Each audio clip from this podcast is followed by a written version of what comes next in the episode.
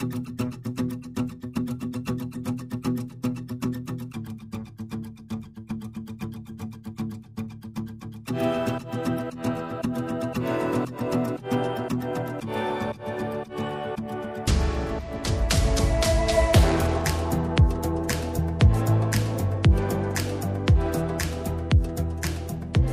Dzień dobry, z tej strony Jakub Bodziony w piątek, kiedy w naszym wideopodcaście rozmawiamy o sprawach zagranicznych. Możecie nas oglądać na żywo na Facebooku i YouTubie, a później na najpopularniejszych serwisach streamingowych.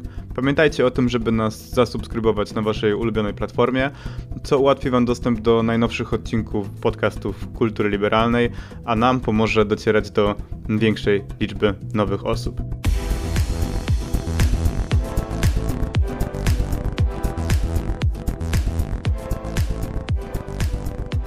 Dziś temat nie tyle zagraniczny, co globalny i dotykający wszystkie, wszystkie osoby na świecie, każdą i każdego z nas.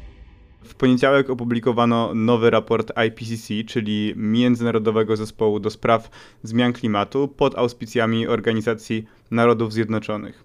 I jak mówi sekretarz generalny ONZ Antonio Guterres w komentarzu do tego raportu, raport IPCC to czerwony alarm dla ludzkości. Emisje gazów cieplarnianych pochodzące ze spalania paliw kopalnych i wylesiania dławią naszą planetę i narażają miliardy ludzi na bezpośrednie niebezpieczeństwo. Globalne ocieplenie dotyka każdego regionu Ziemi, a wiele zmian staje się nieodwracalnych. Ten raport musi zabrzmieć jak podzwonne dla węgla i paliw kopalnych, zanim zniszczą one naszą planetę.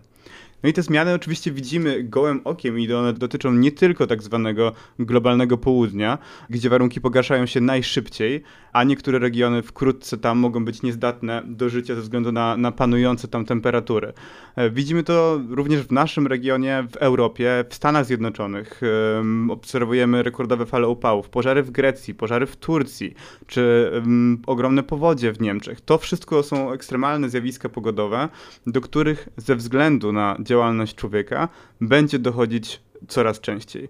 I tą główną konkluzją tego raportu jest fakt, że ocieplenie klimatu o 1,5 stopnia względem średniej temperatury z e, tak zwanej epoki przedprzemysłowej, czyli właśnie z lat 1850 do, do 1900, jest już w zasadzie przesądzone i nastąpi za około 20 lat. W pesymistycznym scenariuszu ten wzrost temperatury przekroczy 2 stopnie już za około 30 lat. O tym, jak rozumieć ten monumentalny raport i czy daje on nam jakąś nadzieję, a nie tylko to, co słusznie nas przeraża. Rozmawiam dzisiaj z dr Aleksandrą Kardaś, fizyczką atmosfery i popularyzatorką nauki, autorką książki o wodzie oraz współautorką książki Nauka o klimacie. Dzień dobry. Dzień dobry. Chciałem zacząć od, e, od tych kilku liczb, e, które wydaje mi się, że robią bardzo duże wrażenie. Nad raportem przez kilka lat pracowało 234 autorów i autorek z 66 krajów. Na ich pracę naniesiono ponad 78 tysięcy komentarzy. Efektem jest prawie 4 tysiące stron. To najbardziej kompleksowe opracowanie dotyczące nauki o klimacie od 8 e, lat, jak rozumiem, czyli od poprzedniego raportu IPCC. I jeszcze po drodze mieliśmy w 2018 roku taki specjalny raport na temat zmian klimatycznych. Proszę powiedzieć, jak wygląda praca nad tworzeniem takiego dokumentu? E, praca nad tworzeniem raportów IPCC trwa, jak bym powiedział, bardzo długo. Polega ona na tym, że e, autorzy, czyli specjaliści, naukowcy nominowani przez poszczególne kraje członków ONZ, przez długi czas czytają najpierw e, artykuły naukowe, czyli zapoznają się z dowodami naukowymi zbieranymi przez naukowców z całego świata dotyczącymi wszystkich kwestii, które będą w raporcie poruszone oceniają, czy w poszczególnych kwestiach panuje zgodność, y, określają, jakie są najbardziej prawdopodobne y, wartości, na przykład wzrostu średniej temperatury, czy wzrostu poziomu morza, korzystając z danych zebranych przez wszystkich tych specjalistów. I na koniec przygotowują takie bardzo szerokie podsumowanie naszej wiedzy o klimacie, podsumowanie, które można traktować jako rodzaj takiej encyklopedii, coś czego żaden z nas samodzielnie by na pewno nie skompilował i co mówi nam, e, jaki jest aktualny stan wiedzy naukowej na temat stanu klimatu, na temat przyczyn jego zmiany, na temat e, projekcji na przyszłość. Tego dotyczą prace pierwszej grupy roboczej, której raport właśnie teraz się ukazał, a pełen raport będzie obejmował jeszcze dwa obszerne tomy, pewnie co najmniej tak samo szerokie jak ten, dotyczący fizycznych podstaw wiedzy o klimacie. I te kolejne tomy będą dotyczyły już e, takich konsekwencji zmiany klimatu dla naszej gospodarki, dla ekosystemów oraz możliwości adaptowania się do, do tych konsekwencji.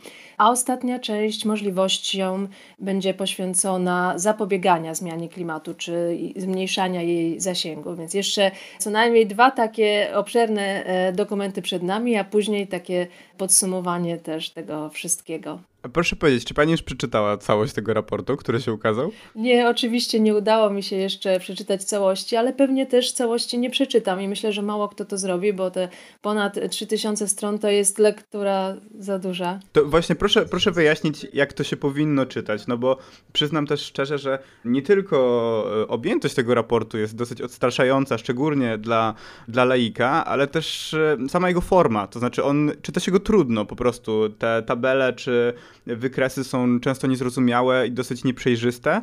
Pani mówi, że nawet jako naukowiec, naukowczyni nie przeczyta całości, więc jak w takim razie się z tego korzysta i na jakiej zasadzie to funkcjonuje właśnie w środowisku naukowym? No więc naj, najlepszą wskazówką jest myślę, żeby zaczynać od zaglądania do podsumowania raportu. Do każdego raportu jest dołączone takie krótkie podsumowanie dla decydentów, tak zwane. Ono ma już tylko 30 kilka stron zamiast 3000 ponad.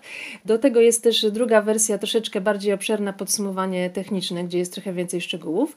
I tam zawarte są e, wszystkie podstawowe wnioski i najważniejsze stwierdzenia Często na, najważniejsze są też wyróżnione w postaci jakichś e, takich ramek czy wytłuszczeń. I przy każdym jest też odsyłacz, jest informacja, w której części raportu można znaleźć więcej informacji.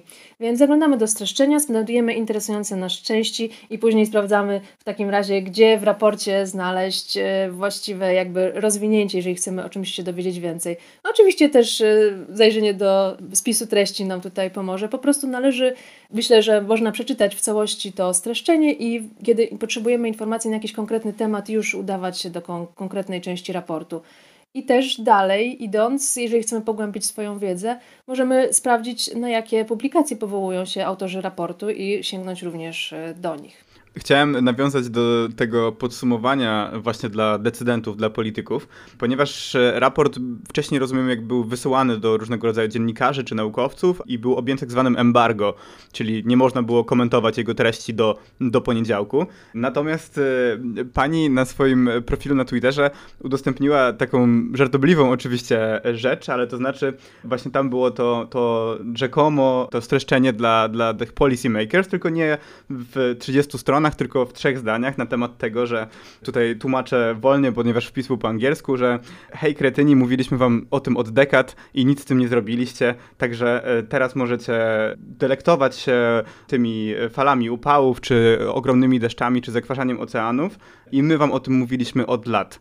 Czy właśnie tą emocją, która w pani jest, to jest jakaś złość czy frustracja na tego typu raport, który tak naprawdę chyba tam chyba nie było zbyt dużo nowych rzeczy dla pani. To znaczy, moja ewentualnie złość czy frustracja na pewno nie dotyczy samego raportu i pracy jego autorów, którzy przecież y, wykonują bardzo poważne zadanie, bo rzetelna wiedza na temat klimatu to jest coś, co jest nam bardzo potrzebne i takie zebranie i podsumowanie tej, tych wszystkich informacji no, pozwala nam na podejmowanie sensownych decyzji, na sensowne planowanie naszej przyszłości. Więc tutaj, jeżeli jakaś frustracja może występować, to myślę, że wobec właśnie polityków, decydentów, którzy od 30 y, lat już słuchają o tym, że klimat się zmienia, że dalsze emisje gazów cieplarnianych doprowadzą do dalszego ocieplenia, że e, ocieplenie klimatu ma poważne konsekwencje i to nie są tylko takie konsekwencje, że za oknem widzimy troszkę inną pogodę, tylko takie, że mamy większe ryzyko susz, większe ryzyko powodzi, silniejsze zjawiska takie burzowe, związane z, które przynoszą poważne zniszczenia. To dalej skutkuje problemami z dostępem do wody, z zaopatrzeniem w żywność, konfliktami e, zbrojnymi w przyszłości może również skutkować. I, I to zagrożenie do tej pory nie jest brane wystarczająco poważnie przez e, decydentów. No i tutaj rzeczywiście pewna frustracja może się zrodzić, ale mam nadzieję, że to się będzie zmieniać. W ostatnich latach jednak widać, że chociaż jakby zainteresowanie tym klimatem wciąż patrząc po konsekwencjach, nie jest może wystarczająca, ale na pewno, na pewno rośnie i, i coraz więcej osób i także polityków dostrzega, że to jest, to jest poważny problem.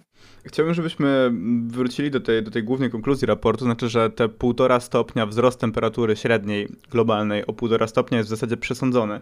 I już bardzo długo dyskutujemy na ten temat e, w przestrzeni publicznej, bardzo wiele się o tym mówi. Natomiast ciągle spotykam się z takimi stwierdzeniami, to znaczy, że no półtora stopnia to wcale nie jest tak dużo. To znaczy, jak ja wychodzę z domu i jest 20 stopni, albo 21,5, albo 18,5, to tak naprawdę to dla mnie nie ma żadnej różnicy, tak? Więc e, o co ta cała afera? Więc rzeczywiście e, z raportu dowiadujemy się, że już w przeciągu najbliższych 20 lat, niestety nie koniecznie za 20 lat, tylko w ciągu 20 najbliższych lat, czyli być może za 5 lub za 10, średnia temperatura powierzchni Ziemi przekroczy te 1,5 stopnia względem epoki przedprzemysłowej. I 1,5 stopnia rzeczywiście wydaje się niewielką liczbą, jeśli patrzymy na różnicę temperatur z dnia na dzień, ale trzeba wziąć pod uwagę, że to nie jest ta wielkość. Ta wielkość mówi nam o stanie całej Ziemi, o średniej temperaturze powierzchni całego naszego globu i tak naprawdę wzrost temperatury średniej o każdy ułamek stopnia oznacza olbrzymie ilości energii, która się w tym systemie naszym klimatycznym, czyli w oceanie, atmosferze, na lądach, gromadzi. I ta energia krąży po naszym systemie. Ta energia jest wykorzystywana do rozmaitych zjawisk atmosferycznych, i, i to jest naprawdę duża różnica. To się przekłada na dużo częstsze upały, na dużo więcej rekordów gorąca i coraz mniej rekordów zimna na to, że mamy coraz częstsze nawalne opady, coraz więcej i coraz dłuższe susze, to naprawdę powoduje poważne, poważne konsekwencje. Niektórzy lubią to porównywać do temperatury naszego ciała. Kiedy nasza temperatura osobista wzrośnie o 1,5 stopnia, to okazuje się, że stan naszego organizmu jest bardzo nieprzyjemny i bardzo poważnie to odczuwamy. I podobnie jest z Ziemią. Kiedy średnia temperatura powierzchni Ziemi wzrośnie o stopień czy półtora, to jest dla nas duża różnica. No właśnie tam tych scenariuszy dotyczących wzrostu temperatur jest przedstawionych w raporcie 5 jak rozumiem, od najbardziej optymistycznego do najbardziej pesymistycznego. Skupmy się na przykład na, na trzech. To znaczy, zacznijmy od tego najlepszego scenariusza. Po pierwsze, co on zakłada i co musiałoby się wydarzyć, co musielibyśmy zrobić, żeby, żeby to osiągnąć. No tutaj, jeśli chodzi o to, co jest w tym raporcie, to e, specjaliści koncentrują się na tym na razie, na jakie koncentracje gazów cieplarnianych przekładają się poszczególne scenariusze, a to, co trzeba zrobić, żeby je zrealizować, to będzie właśnie temat e, ostatniej części raportu. Ale no wiadomo, że ten najoptymistyczniejszy scenariusz to jest taki, w którym nasze emisje gazów cieplarnianych bardzo szybko spadają. Koncentracje dwutlenku węgla zostają wyzerowane w ciągu najbliższych dekad. Następują bardzo szybkie, zdecydowane i trwałe redukcje emisji e, metanu i innych gazów cieplarnianych. I w tym bardzo optymistycznym scenariuszu, w którym robimy naprawdę wszystko, żeby zatrzymać zmianę klimatu, udaje nam się wrócić do temperatury poniżej 1,5 stopnia względem czasów przedprzemysłowych pod koniec XXI wieku, czyli stabilizujemy w XXI wieku temperaturę i, i zatrzymujemy zmianę klimatu. No jest to na pewno e, bardzo duże wyzwanie, będzie bardzo trudno e, to zrobić. No bo mi się wydaje, że to jest nawet nie tyle optymistyczny scenariusz, co po prostu utopijny. No to znaczy musielibyśmy te działania podjąć, bardzo radykalne działania dotyczące zarówno redukcji emisji, jak i samego wychwytu na przykład e, dwutlenku węgla z atmosfery, o czym jeszcze za chwilkę jeszcze chciałbym o to dopytać. W sumie dzisiaj, tak? To musielibyśmy jakby zacząć nad tym pracować tak. od, od dzisiaj, od jutra. Albo lepiej od, od, od 10 lat wstecz. E, tak, ja lubię to porównywać do tego, jak komentatorzy sportowi mówią o czymś, co nazywają matematycznymi szansami na wyjście z grupy. No, to mieliśmy ostatnio to właśnie chociażby z polską reprezentacją to regularnie. Tak, więc my mamy fizyczne szanse na zatrzymanie zmiany klimatu właśnie na tym poziomie, natomiast y, biorąc pod uwagę na pewno nasze jakieś procesy społeczne i gospodarcze, trudno mieć na to, e, na to nadzieję. Ale wciąż e, musimy walczyć o to, żeby ta zmiana klimatu, nawet jeżeli przekroczymy półtora stopnia, no zatrzymała się jak najszybciej i żebyśmy tę temperaturę, żeby ta temperatura jednak została w miarę możliwości w takim razie poniżej dwóch stopni, jeżeli już nie poniżej półtora stopnia względem epoki przedprzemysłowej. Więc właśnie mamy po tym scenariuszu skrajnie optymistycznym i rzeczywiście mało realnym, mamy e, kilka scenariuszy, które zakładają, że no co prawda nie będziemy tacy super i nie uda nam się zadziałać tak szybko i wyciągnąć tyle dwutlenku węgla z atmosfery, ile, ile w tym pierwszym scenariuszu, ale wciąż jakieś działania zostaną podjęte i uda nam się przynajmniej e, częściowo ograniczyć e, wzrost temperatury i w związku z tym y, no wciąż... Y, który z nich, który z nich uznaje Pani za najbardziej realny? i najbardziej prawdopodobny. Jest tak, że te scenariusze nie mają być. Y, nie jest tak, że my ściśle pójdziemy według któregoś z tych scenariuszy.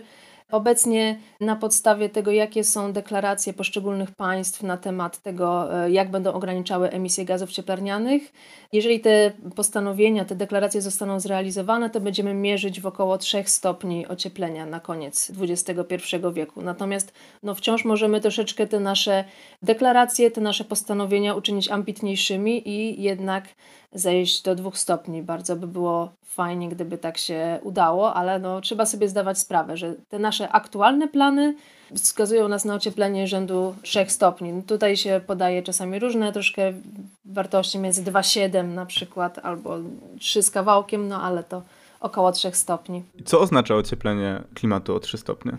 Ocieplenie klimatu o 3 stopnie oznacza, że wszystkie te skutki, które już teraz obserwujemy, czyli częstsze fale upałów i dłuższe, e, czyli powodzie, susze, które występują częściej i mają większy zasięg, czyli nasilanie się prędkości wiatru w huraganach i, i, inne efekty, topnienie e, lodowców, e, to wszystko po prostu staje się jeszcze silniejsze, jeszcze bardziej, jeszcze częstsze, jeszcze mocniejsze. Też y, oczywiście można obliczać takie porównania, na przykład, że ocieplenie y, o 2 stopnie daje w przypadku nasilenia się tych ekstremów y, temperaturowych efekt dwa razy większy niż ocieplenie o 1,5 stopnia, a ocieplenie o 3 stopnie daje efekt cztery razy większy niż ocieplenie o 1,5 stopnia. Czyli to nie jest tak, że na przykład jeśli będziemy mieć różnica pomiędzy 1,5 stopnia a 2 stopnia, jest już zupełnie inna niż różnica pomiędzy 2,5 a 3, tak? Niestety trzeba się liczyć z, z, czymś takim, że te efekty są e, coraz silniejsze, to one nie zachodzą, jak to mówimy, liniowo. Niektóre zjawiska bardzo się nasilają przy ocieplaniu się klimatu. Jest też ryzyko w niektórych przypadkach, że przekroczone zostaną tak zwane punkty krytyczne w przypadku niektórych zjawisk. Co to znaczy? Czyli takie takie momenty, takie na przykład wartości wzrostu temperatury, po przekroczeniu których niektórych zjawisk nie da się już zatrzymać, nawet gdyby temperatura się potem ustabilizowała i, i, i nawet może trochę spadła. Takimi zjawiskami, które same się napędzają, kiedy, kiedy je uruchomimy i kiedy zajdą za daleko, jest na przykład topnienie e, lodu arktycznego. Kiedy robi się cieplej, to lodu arktycznego, takiego, który unosi się e, na biegunie północnym na oceanie, zaczyna ubywać.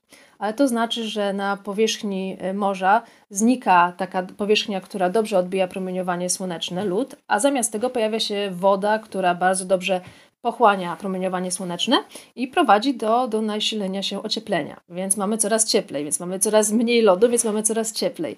I w pewnym momencie okazuje się, że nawet jeśli temperatura przestaje rosnąć, to sam ten efekt zmniejszającej się powierzchni lodu wystarcza do tego, żeby w rejonie bieguna północnego ten lód po prostu już zniknął w całości. Podobnie jest na przykład y, w przypadku y, lasów amazońskich, które do funkcjonowania potrzebują silnych y, tropikalnych opadów, ale częściowo występowanie tych opadów jest warunkowane obecnością tego lasu. Jeżeli ten las swoją powierzchnię za bardzo zmniejszy, to przestanie powstawać wystarczająco dużo deszczu, żeby ten las się w tym miejscu utrzymał i lasy amazońskie. Zresztą już ten las od chyba bodajże zeszłego roku w większym stopniu emituje dwutlenek węgla niż go pochłania.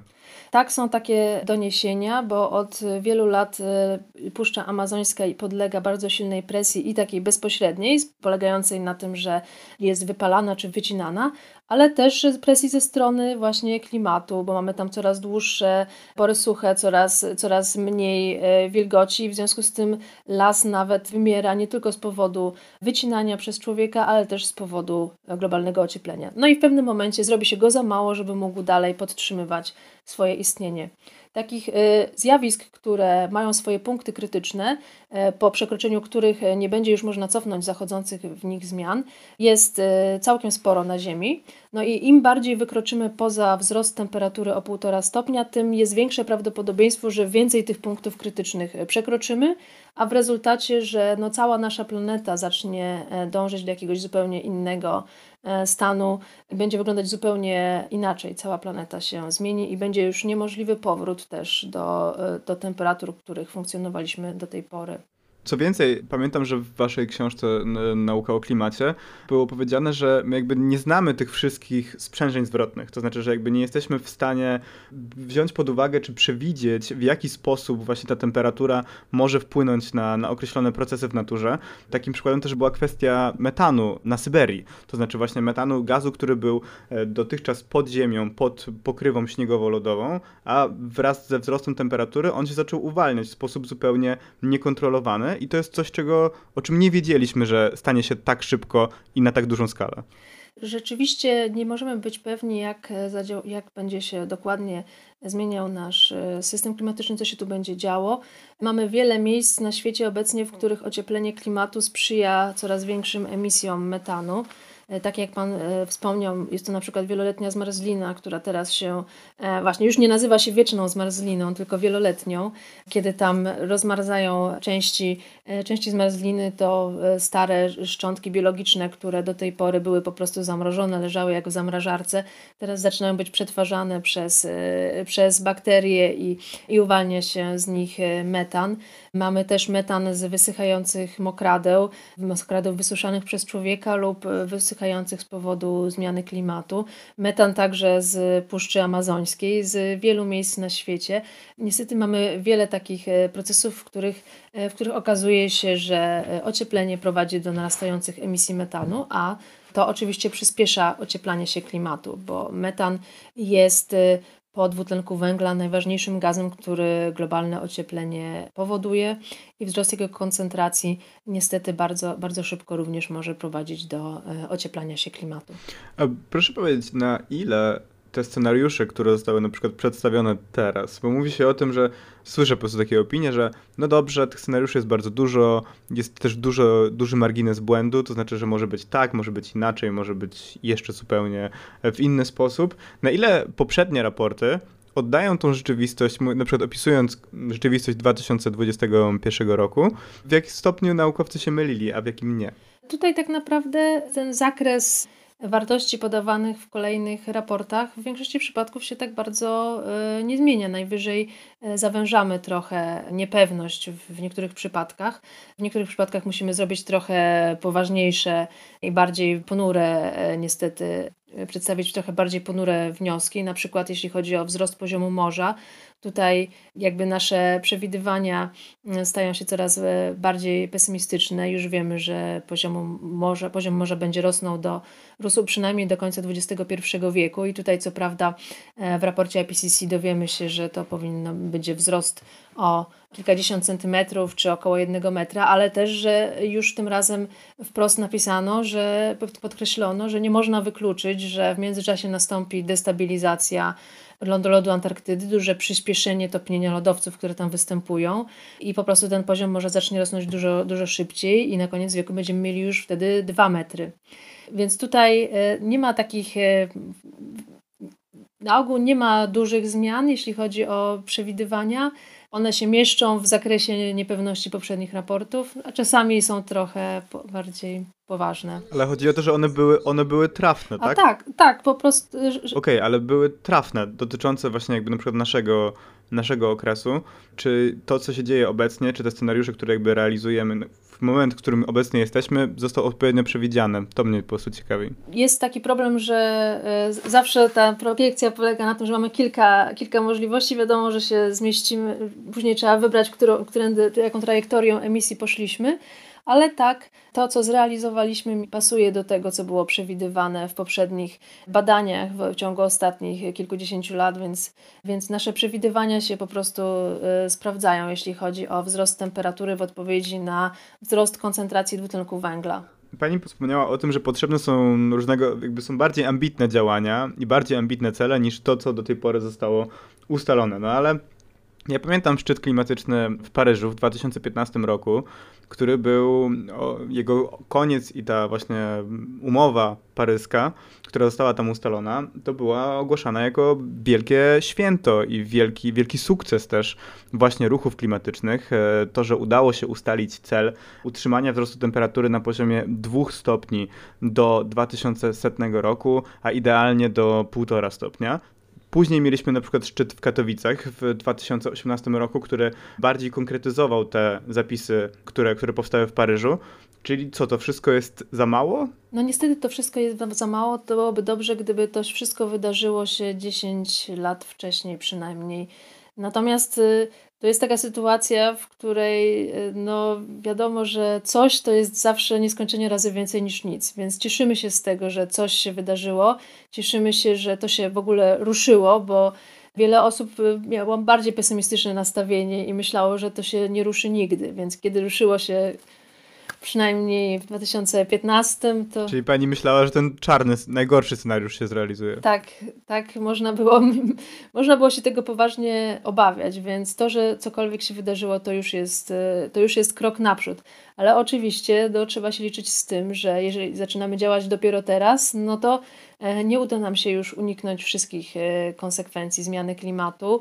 Część zmian będzie już e, nie do zatrzymania w takim skali czasowej 100 lat najbliższych i częściowo trzeba się będzie do nich przygotować i po prostu adaptować. No ale pytanie, co będzie dalej, tak? Musimy postarać się, jeżeli chcemy, żeby ten świat jakoś sensownie wyglądał i żeby, żebyśmy w nim żyli możliwie szczęśliwie, to żeby ta zmiana klimatu przestała jednak postępować i żeby temperatura została ustabilizowana w miarę możliwości jak najszybciej, więc tutaj warto jednak walczyć o to. No właśnie, wspomniała Pani o nie tylko jakby ograniczaniu emisji, ale również o działaniach adaptacyjnych. Wiem, że to będzie w kolejnej części raportu, no ale już wielokrotnie o tym dyskutowano również w jego poprzednich edycjach. Na czym polega ta, ta adaptacja i jakie to są działania? I czy można zaadaptować się, bo to jest moja pierwsza myśl, do temperatury w rodzaju 48 stopni, to co zanotowaliśmy ostatnio e, w Sycylii, czy to co obserwowaliśmy w Oregonie w Stanach Zjednoczonych, czy do tych powodzi w Chinach. Przecież ostatnio mieliśmy sytuację, w której zaledwie kilka godzin deszczu zamieniło ulice miasta w, w kanały, czy powodzie w, w Niemczech. To znaczy, gdzie są te granice adaptacji i na czym ona miałaby polegać? Oczywiście adaptacja zależy od warunków regionalnych i w ogóle o adaptacji jest sens mówić właśnie e, w zależności od tego, e, jakie zjawiska, jakie problemy się w konkretnych lokalizacjach e, pojawiają. Jeśli chodzi o wysokie temperatury, no to możemy adaptować się w ten sposób, że zmieniamy to, jak wyglądają na przykład nasze miasta i budynki, jakie mamy instalacje w domu. Niestety w niektórych miejscach może się okazać, że klimatyzacja na przykład, mimo że zużywa energię elektryczną i w związku z tym może skutkować zwiększonymi emisjami gazów cieplarnianych, no jest po prostu potrzebna okresowo do przetrwania. Tak? Muszą być plany tego, jak zapewnić chłodzenie budynków, jak zapewnić chłodzenie ludziom, zwierzętom, urządzać na przykład centra ewakuacyjne i, i, i, tym, podobne, i tym podobne e, realizować pomysły. W niektórych miejscach mamy problemy z coraz częstszymi suszami, to jest na przykład w Polsce, więc trzeba przyjrzeć się wtedy gospodarce wodnej, spróbować przeplanować ją tak, żeby tym suszom w miarę możliwości zapobiegać, żeby woda była, nie była marnowana, żeby woda była zatrzymywana w krajobrazie, kiedy, kiedy już spada nam z nieba bo na przykład w Polsce akurat jest tak, że deszczu wcale, y, jeżeli weźmiemy pod uwagę roczne sumy opadów, nie ubywa, a wręcz może i go przybywać. Tylko, że my później tę wodę, kiedy spada nam z nieba tracimy w wyniku parowania i w wyniku spływania jej bardzo szybkiego do, do rzek i morza. Więc trzeba w takim razie zaplanować gospodarkę tak, żeby, żeby ona zostawała u nas. Zatrzymajmy się na chwilę tylko przy tej wodzie. Zresztą pani jest jakby specjalistką od tematu, napisała pani książkę właśnie o, o wodzie. To znaczy, z czego to wynika? To znaczy, mamy zarówno tego lata, jak i w przeszłości mieliśmy do czynienia z takimi sytuacjami, że na przykład e, tygodniami nie padało, albo było bardzo, bardzo gorąco i bardzo sucho, i następnie spadał deszcz i on w żaden sposób jakby nie sprawiał tego, że ziemia stała się mniej sucha, tylko po prostu ulice miast zamieniały się w, w rwące potoki. Zresztą widzieliśmy to ostatnio w Krakowie, również w Warszawie. To znaczy, że co zrobiliśmy źle, że ta woda zachowuje się w taki, a nie inny sposób? To, co zrobiliśmy źle, to że nastawiliśmy się na osuszanie naszego krajobrazu, na odprowadzanie nadmiaru wody, gdy tylko on się pojawia.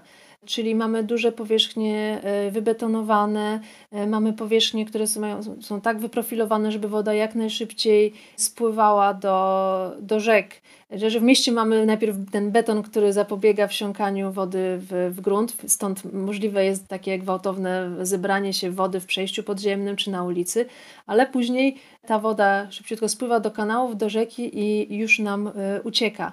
To, co zrobiliśmy, to także nadmierne regulowanie rzek, wysuszanie mokradeł, też wysuszanie tutaj łąk, zapobieganie, po prostu likwidowanie takich miejsc, w których naturalnie nadmiar wody by się zbierał, pozostawał, gdzie woda mogłaby sobie stać i powoli przesączać się przez kolejne e, warstwy, aż do głębszych warstw wodonośnych, odbudowywać gdyby mogła nasze jakieś takie zasoby wody. Więc my to wodzie utrudniamy, zamiast tego wszystko jest nakierowane na to, żeby wody się jak najszybciej pozbyć. No i dzięki temu mamy później przesuszoną glebę, która nie przyjmuje tak dobrze też wody, kiedy ona już spada. Także po powierzchni gleby, kiedy mamy intensywny opad, woda dosyć szybko spływa, dlatego że no nie nadąża po prostu przeciskać się przez między ziarenkami gruntu tak szybko. No i, i to całe, cała ta polityka nakierowana na osuszanie no nie pomaga nam w zbieraniu zasobów wodnych. Więc gdybyśmy tutaj wprowadzili zmiany, tak żeby woda jak najdłużej pozostawała w naszym krajobrazie, gdyby e, odbudowywać e, tereny podmokłe, odnawiać jakieś zakola, e, pozwalać rzece tak, żeby sobie wędrowała za kolami spokojnie, zamiast ją prostować i, i tym podobne, to byłby to przykład adaptacji do zmiany klimatu. Dlatego, że u nas właśnie też warunki klimatyczne teraz zwiększają prawdopodobieństwo suszy, więc warto by z nią walczyć. No tak, czy to właśnie te zmiany, o których e, pani wspomniała, ja widzę jak najbardziej możliwość ich wprowadzenia na przykład w Polsce, w Niemczech czy w Holandii. Ale jak w takim razie adaptacja do zmian klimatu może przebiegać w Indiach, gdzie już teraz e, temperatura sięga 45 stopni i e, na przykład kwestie związane z rolnictwem czy z pracą fizyczną, no są tam po prostu w wielu wypadkach niewykonalne. To znaczy nie jest, organizm ludzki nie jest w stanie właśnie zaadaptować się do takiej temperatury w tak y, krótkim czasie. No to jest bardzo poważny problem, bo rzeczywiście takie regiony jak Indie czy Pakistan to są miejsca, gdzie teraz zdarzają się takie dni, że właściwie, żeby przeżyć, e, trzeba byłoby schować się w klimatyzowanym pomieszczeniu. Więc to jest sytuacja bardzo ciężka. Co sobie można wyobrazić, no to przemyślenie tego, jak wyglądają pola i jakie rośliny są na nich uprawiane, kiedy potrzebne są zabiegi, tak żeby zminimalizować konieczność pracy ludzi w polach w tych okresach, kiedy, kiedy jest duże prawdopodobieństwo wysokich temperatur. Można sobie wyobrazić zastosowanie jakichś specjalnych e, urządzeń, które będą wyręczały tutaj ludzi, kiedy warunki będą dla nich niebezpieczne. Chociaż problem jest taki, że kiedy warunki są niebezpieczne dla człowieka, to jest też duże prawdopodobieństwo, że również e, rośliny przeżywają wtedy duży, duży stres i może się okazać, że w takich miejscach również plony są już e, dużo, dużo mniejsze i być może na przykład niektóre z niektórych należałoby po prostu miejsc zrezygnować, tych na, najtrudniejszych, bo może to tracić, tracić sens. Tutaj niestety nie jestem specjalistką od e, rolnictwa, więc tutaj przykładów nie, nie umiem podać, ale, ale na pewno jest to poważne wyzwanie i część osób będzie musiała na przykład po prostu zmienić miejsce miejsce zamieszkania, trzeba będzie No już teraz mówi się o nich właśnie jako o uchodźcach klimatycznych. Tak, tak, e, zaczyna się tak, e, tak określać różne grupy i tu nie chodzi tylko paradoksalnie o mieszkańców tych najbardziej gorących regionów, bo okazuje się, że e, zagrożeni są również mieszkańcy regionów zimnych,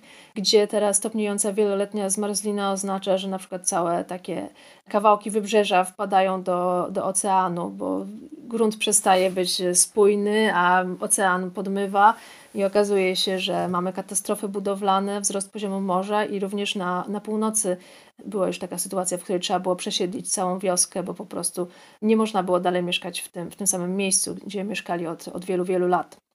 Więc tutaj niestety jest, są coraz, coraz częściej się będzie zdarzać coś takiego, że ludzie będą musieli zmieniać miejsce swojego zamieszkania z powodu zmiany klimatu. Na koniec chciałem zapytać e, o coś, co częściowo poruszyliśmy na początku naszej rozmowy i o coś, co również e, znajduje swoje odzwierciedlenie na, na kartach tego raportu, jak i w bardzo wielu rozmowach. To znaczy, mam tu na myśli jakby postęp technologiczny i, i w jaki sposób on może pomóc nam zahamować e, globalne ocieplenie. I to jest coś, co w raporcie jest nazywane jako te różne metody wychwytywania dwutlenku węgla z atmosfery.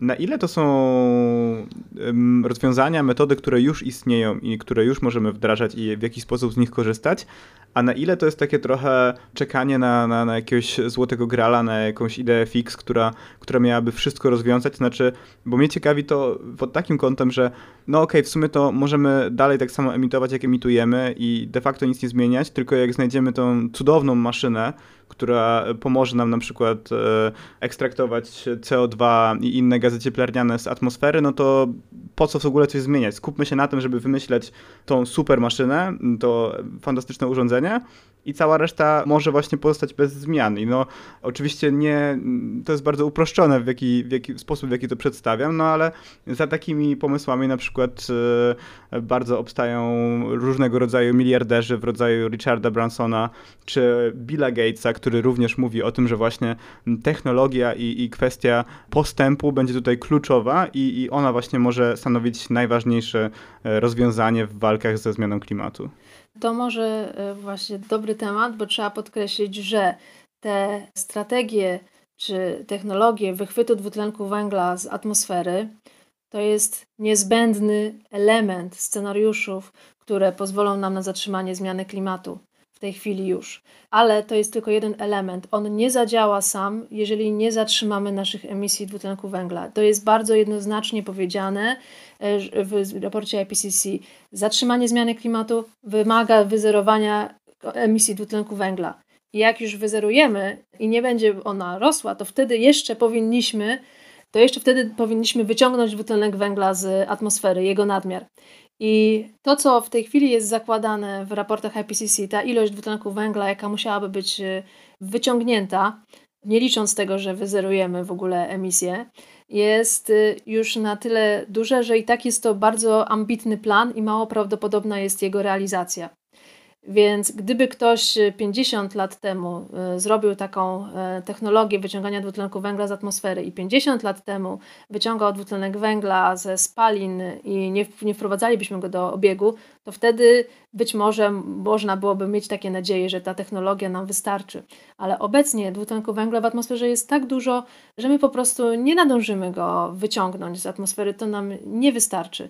To jest konieczne do wprowadzenia, ale to jest niewystarczające.